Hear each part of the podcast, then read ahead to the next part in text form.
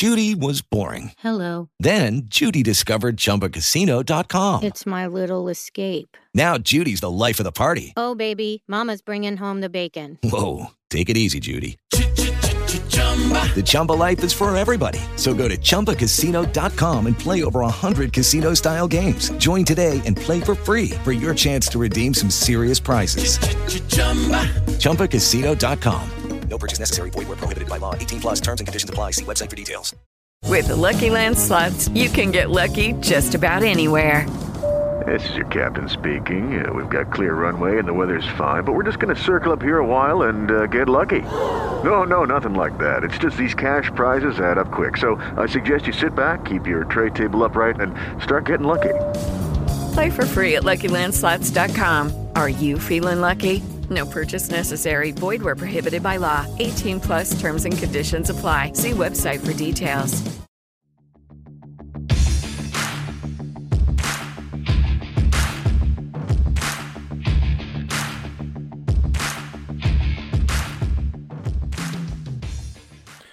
Cześć. Dziś chciałem opowiedzieć o drugim błędzie, czyli niewyjaśnienie klientowi, czym coaching jest, a czym coaching nie jest. Jeśli mnie nie znasz, pozwól, że się przedstawię. Nazywam się Robert Łężak i jestem prezesem European Mentoring and Coaching Council Poland. Jestem też akredytowanym mentorem i coachem EMCC na poziomie praktyk, asesorem, wykładowcą akademickim i współwłaścicielem firmy szkoleniowej Norman Bennett. Jestem też autorem książki Jakich błędów unikać podczas sesji coachingu, czyli przewodnik na ścieżce coacha. Na co dzień uczę zawodu coacha w Akademii Norman Bennett, na studiach podyplomowych Akademii Leona Koźmińskiego i Szkole Głównej Handlowej. Ten kanał dotyczy tego, jak być odpowiedzialnym coachem i skutecznie zarządzać procesem coachingowym oraz jak unikać najczęstszych błędów w czasie sesji coachingu. Jeśli kanał Ci się spodoba, proszę zasubskrybuj go na YouTube.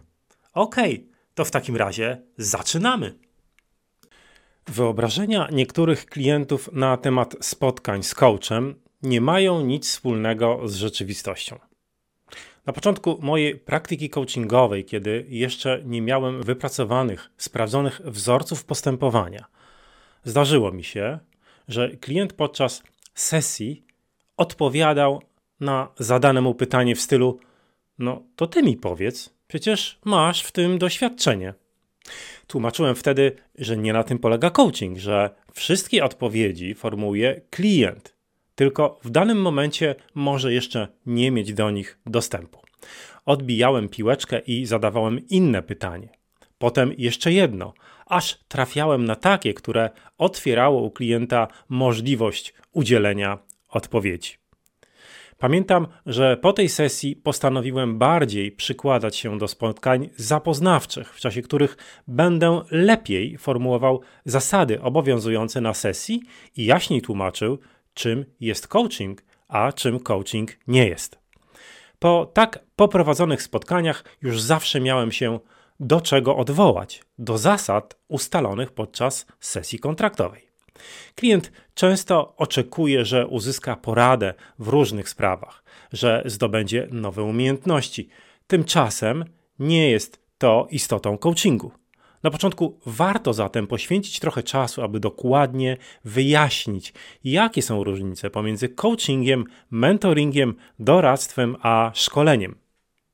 Na początku spotkania zaczynam od wyjaśnienia, czym coaching nie jest. Coaching przecież nie jest trenowaniem. Zawód trenera z angielskiego coach lub trainer funkcjonował początkowo w sporcie. Warto tu zaznaczyć fakt dotyczący tłumaczenia tego słowa, ponieważ angielskie określenie coach i trainer mają jeden polski odpowiednik trener. Na tym polu powstaje wiele nieporozumień. Trener to osoba zajmująca się przygotowaniem fizycznym i psychicznym swoich podopiecznych. Trenerzy specjalizują się najczęściej w jednej konkretnej dyscyplinie, na przykład w pływaniu, piłce nożnej, koszykówce czy gimnastyce. Zadaniem trenera jest wyszkolenie osób, z którymi pracuje. Dziś trener to również osoba, która szkoli w zakresie różnych umiejętności, takich jak komunikacja, zarządzanie sobą w czasie, delegowanie zadań, zarządzanie zespołem czy zarządzanie konfliktem. Niekiedy wymiennie stosuje się w odniesieniu do tej roli pojęcie szkoleniowiec lub trener szkoleniowiec. Trener koncentruje się przede wszystkim na przekazywaniu wiedzy, umiejętności lub kształtowaniu postaw przez realizację usług edukacyjnych, m.in. szkoleń, warsztatów, treningów, seminariów, webinarów, kursów, wykładów czy prelekcji. Wyróżniamy trenerów wewnętrznych i zewnętrznych. Trenerzy wewnętrzni to osoby zatrudnione w danej firmie. Realizują oni szkolenia dla jej pracowników w ramach swojej pracy etatowej. Są zatrudnieni w jednej branży, poznają osoby, dla których prowadzą szkolenia oraz specyfikę i know-how firmy. Trenerzy zewnętrzni, pracujący na stałe lub współpracujący z firmą szkoleniową, realizują szkolenia dla jej klientów oraz prowadzą zajęcia otwarte. No więc coaching nie jest trenowaniem ani szkoleniem. Po drugie, coaching nie jest mową motywacyjną. Mówca motywacyjny to człowiek, który zawodowo zajmuje się wygłaszaniem przemówień mających na celu zmotywowanie lub zainspirowanie publiczności. Najczęściej osobę taką można spotkać na konferencjach, zjazdach, wiecach partyjnych czy spotkaniach firmowych. Mówca wykorzystuje swą charyzmę i doświadczenie, aby zachęcić słuchaczy do działania. Dobrym przykładem będzie tu Tony Robbins, Brian Tracy, Nick Wójcik czy Zig Ziglar. No właśnie, więc coaching nie jest też mową motywacyjną. Nie możesz, drogi kliencie, liczyć na to, że będę cię moją mową motywował. Po trzecie, coaching nie jest również manipulacją.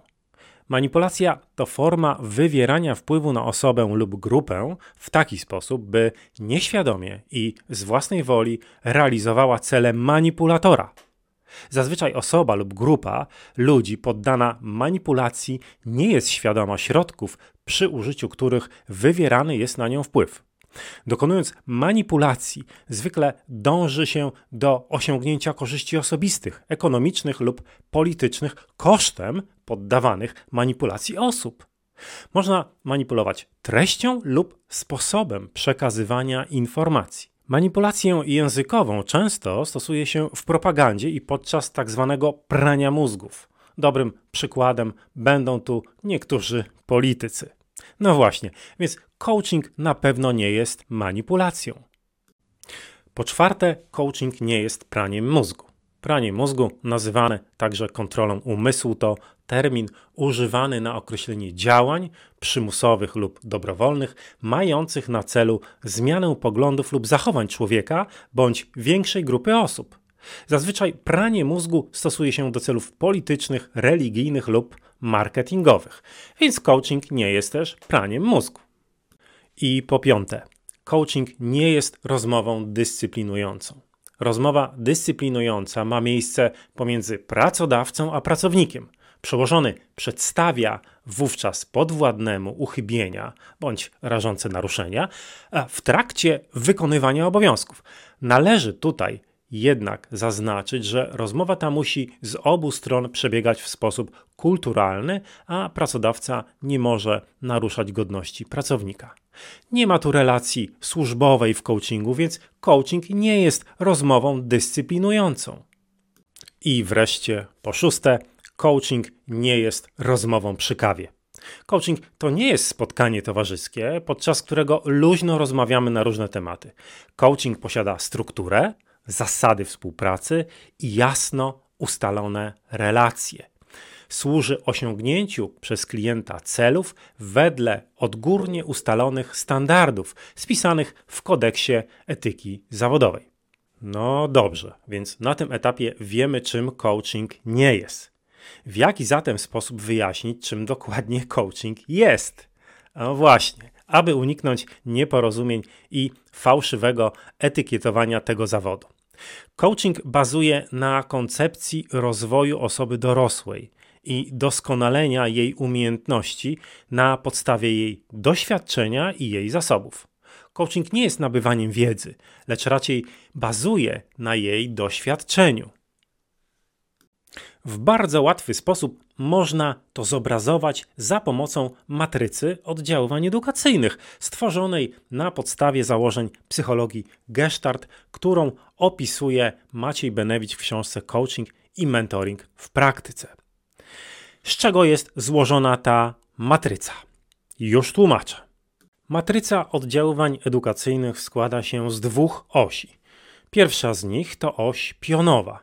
To oś metodologii uczenia się pomiędzy swobodą oddziaływań a dyrektywnością. Druga oś, oś pozioma, to oś dotycząca procedur i algorytmów oraz przebiegu uczenia się pomiędzy gotową figurą a domykaniem figury. Czym jest swoboda oddziaływań?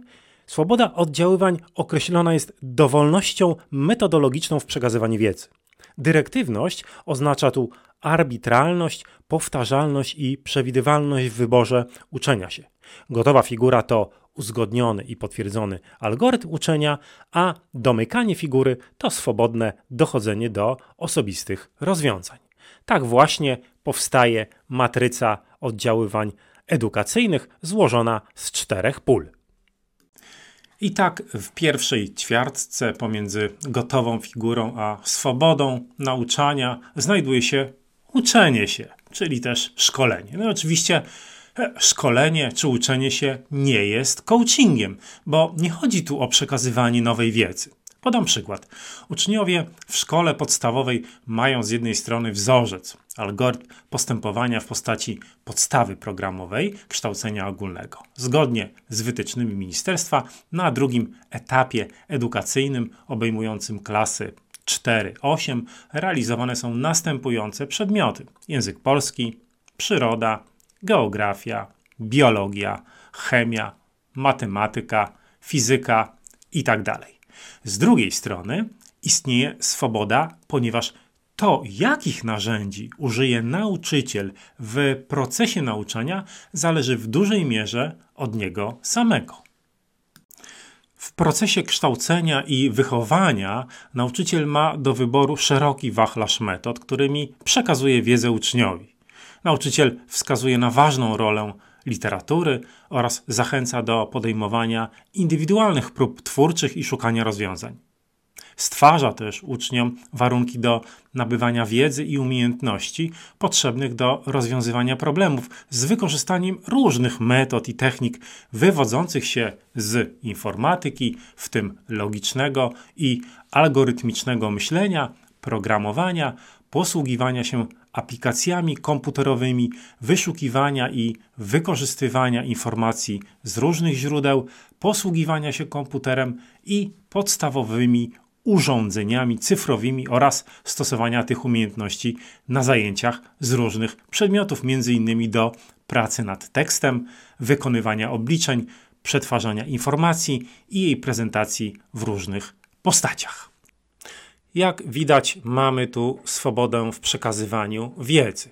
Podsumowując, coaching nie jest przekazywaniem wiedzy, nie jest nauczaniem, ani nie jest też szkoleniem. Druga ćwiartka znajdująca się pomiędzy gotową figurą a dyrektywnością to mentoring. Coaching to nie mentoring.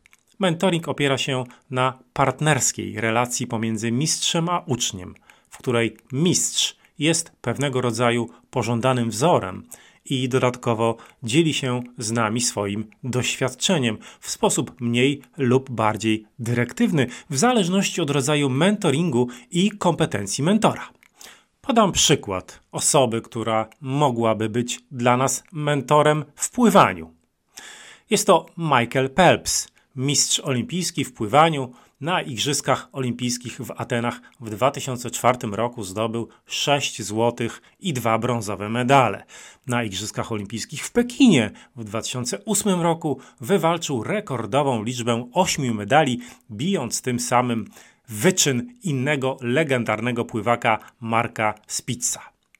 Zwieńczeniem jego kariery miały być igrzyska w 2012 roku w Londynie, na których powiększył swój dorobek do 22 medali i otrzymał status najczęściej dekorowanego olimpijczyka w historii. W kwietniu 2014 roku sportowiec wznowił karierę, przygotowując się do kolejnych Igrzysk w Rio w 2016 roku. Tam zdobył kolejne 6 medali, powiększając dorobek do 28 medali. Fenomen zawodnika może częściowo wyjaśnić to, że Michael Phelps działał według algorytmu, wzorca, który był na tyle skuteczny, że pozwolił mu zdobyć tytuł mistrza olimpijskiego i miano najlepszego pływaka na świecie. Oprócz standardowego treningu, jaki towarzyszył Michaelowi w trakcie przygotowania do zawodów, miał on swoje sprawdzone sposoby wynikające z jego doświadczenia. Od 14 roku życia aż do igrzysk w Pekinie Pelps trenował 7 dni w tygodniu. 360 dni w roku. Stwierdził, że jeśli będzie ćwiczył także w niedzielę, to zyska 52-dniową przewagę nad programem treningowym konkurentów. Dodatkowo nad jego treningami czuwał trener personalny, który wybierał właściwe ćwiczenia oraz właściwe obciążenia. Specjalna dieta, łączny bilans kaloryczny śniadania wynosił ponad 4000 kalorii, a w ciągu całego swojego dnia Pelps spożywał ponad 12 tysięcy kalorii. Podsumowując, coaching to nie mentoring. Mentor może doradzać, może opiniować, może oceniać i może dawać wskazówki, czego nie wolno robić coachowi. Trzecia ćwiartka pomiędzy dyrektywnością a domykaniem figury to doradztwo. No właśnie, doradztwo, e, drodzy Państwo, również nie jest coachingiem. Podczas doradztwa klient dokonuje określonych wyborów z przedstawionego wachlarza możliwości. Przy spotkaniu z doradcą ostateczna decyzja zależy od samego zainteresowanego. To na nim spoczywa odpowiedzialność za wybór. Dobrym przykładem będzie biuro podróży. Agent doradza nam, co wybrać spośród wielu możliwości: wycieczek objazdowych, wczasów, wycieczek fakultatywnych oraz ofert last minute lub z dojazdem własnym lub bez w hotelu lub w apartamencie z pełnym wyżywieniem lub tylko ze śniadaniem. Zainteresowany dokonuje wyboru. Agent, posiadając ekspercką wiedzę, zadaje pytania, dzięki którym dowiaduje się, czego właściwie klient potrzebuje. Poznawszy oczekiwania i potrzeby klienta z oceanu możliwości, przedstawia kilka najlepszych jego zdaniem ofert dopasowanych do oczekiwań klienta. Ostatecznie klient podejmuje decyzję i z pełną odpowiedzialnością wybiera produkt, który najbardziej mu odpowiada. Podsumowując, coaching to niedoradztwo. Coach nie może doradzać klientowi. I płynnie przechodzimy już do czwartej ćwiartki znajdującej się pomiędzy swobodą a domykaniem figury, czyli tak naprawdę coachingiem, drodzy Państwo. Coaching obejmuje różne metody pracy. Występuje tu swoboda zarówno w stosowaniu metodologii edukacyjno-szkoleniowej, jak i w sposobach dochodzenia przez klienta do własnych odkryć i rozwiązań. W zależności od szkoły, którą reprezentuje coach, mamy różne podejścia. Możemy pracować wyłącznie pytaniami, osobiście lub zdalnie, przez telefon bądź podczas wideokonferencji. Możemy stosować różne techniki, czyli schematy postępowania, scenariusze, które wdrożone przez coacha doprowadzą klienta do własnych odkryć. Możemy wykorzystywać gry lub inne narzędzia coachingowe pomocne w czasie sesji, wspierając klienta w dochodzeniu do własnych rozwiązań. Możemy też zapraszać do eksperymentowania i poprzez odpowiednie zadania inspirować klienta do zamierzonej zmiany. Wreszcie możemy zapraszać do pracy kinestetycznej z ciałem, dzięki czemu uaktywniamy wszystkie modalności. Sesja staje się wówczas bardziej dynamiczna, a klient włącza do pracy wszystkie kanały komunikacji. Mamy cały szereg możliwości, z których może skorzystać klient. To on decyduje, w jaki sposób chce z nami pracować. Osobiście czy zdalnie, wyłącznie pytaniami, przy pomocy kart, czy też łącznie wszystkimi dostępnymi metodami, jakie są w repertuarze coacha. W tym procesie klient dochodzi do własnych odkryć i rozwiązań na podstawie własnych zasobów, umiejętności i doświadczenia. Mam nadzieję, że ten materiał przypadł Ci do gustu. Jeśli się spodobał, to proszę zasubskrybuj mój kanał i koniecznie podziel się komentarzem. Będę bardzo wdzięczny za każdą informację zwrotną z Twojej strony. Więcej na temat błędów w coachingu znajdziesz w mojej książce Przewodnik na ścieżce coacha, czyli jakich błędów unikać w czasie sesji coachingu lub na moim blogu robertlezak.pl. Zapraszam serdecznie.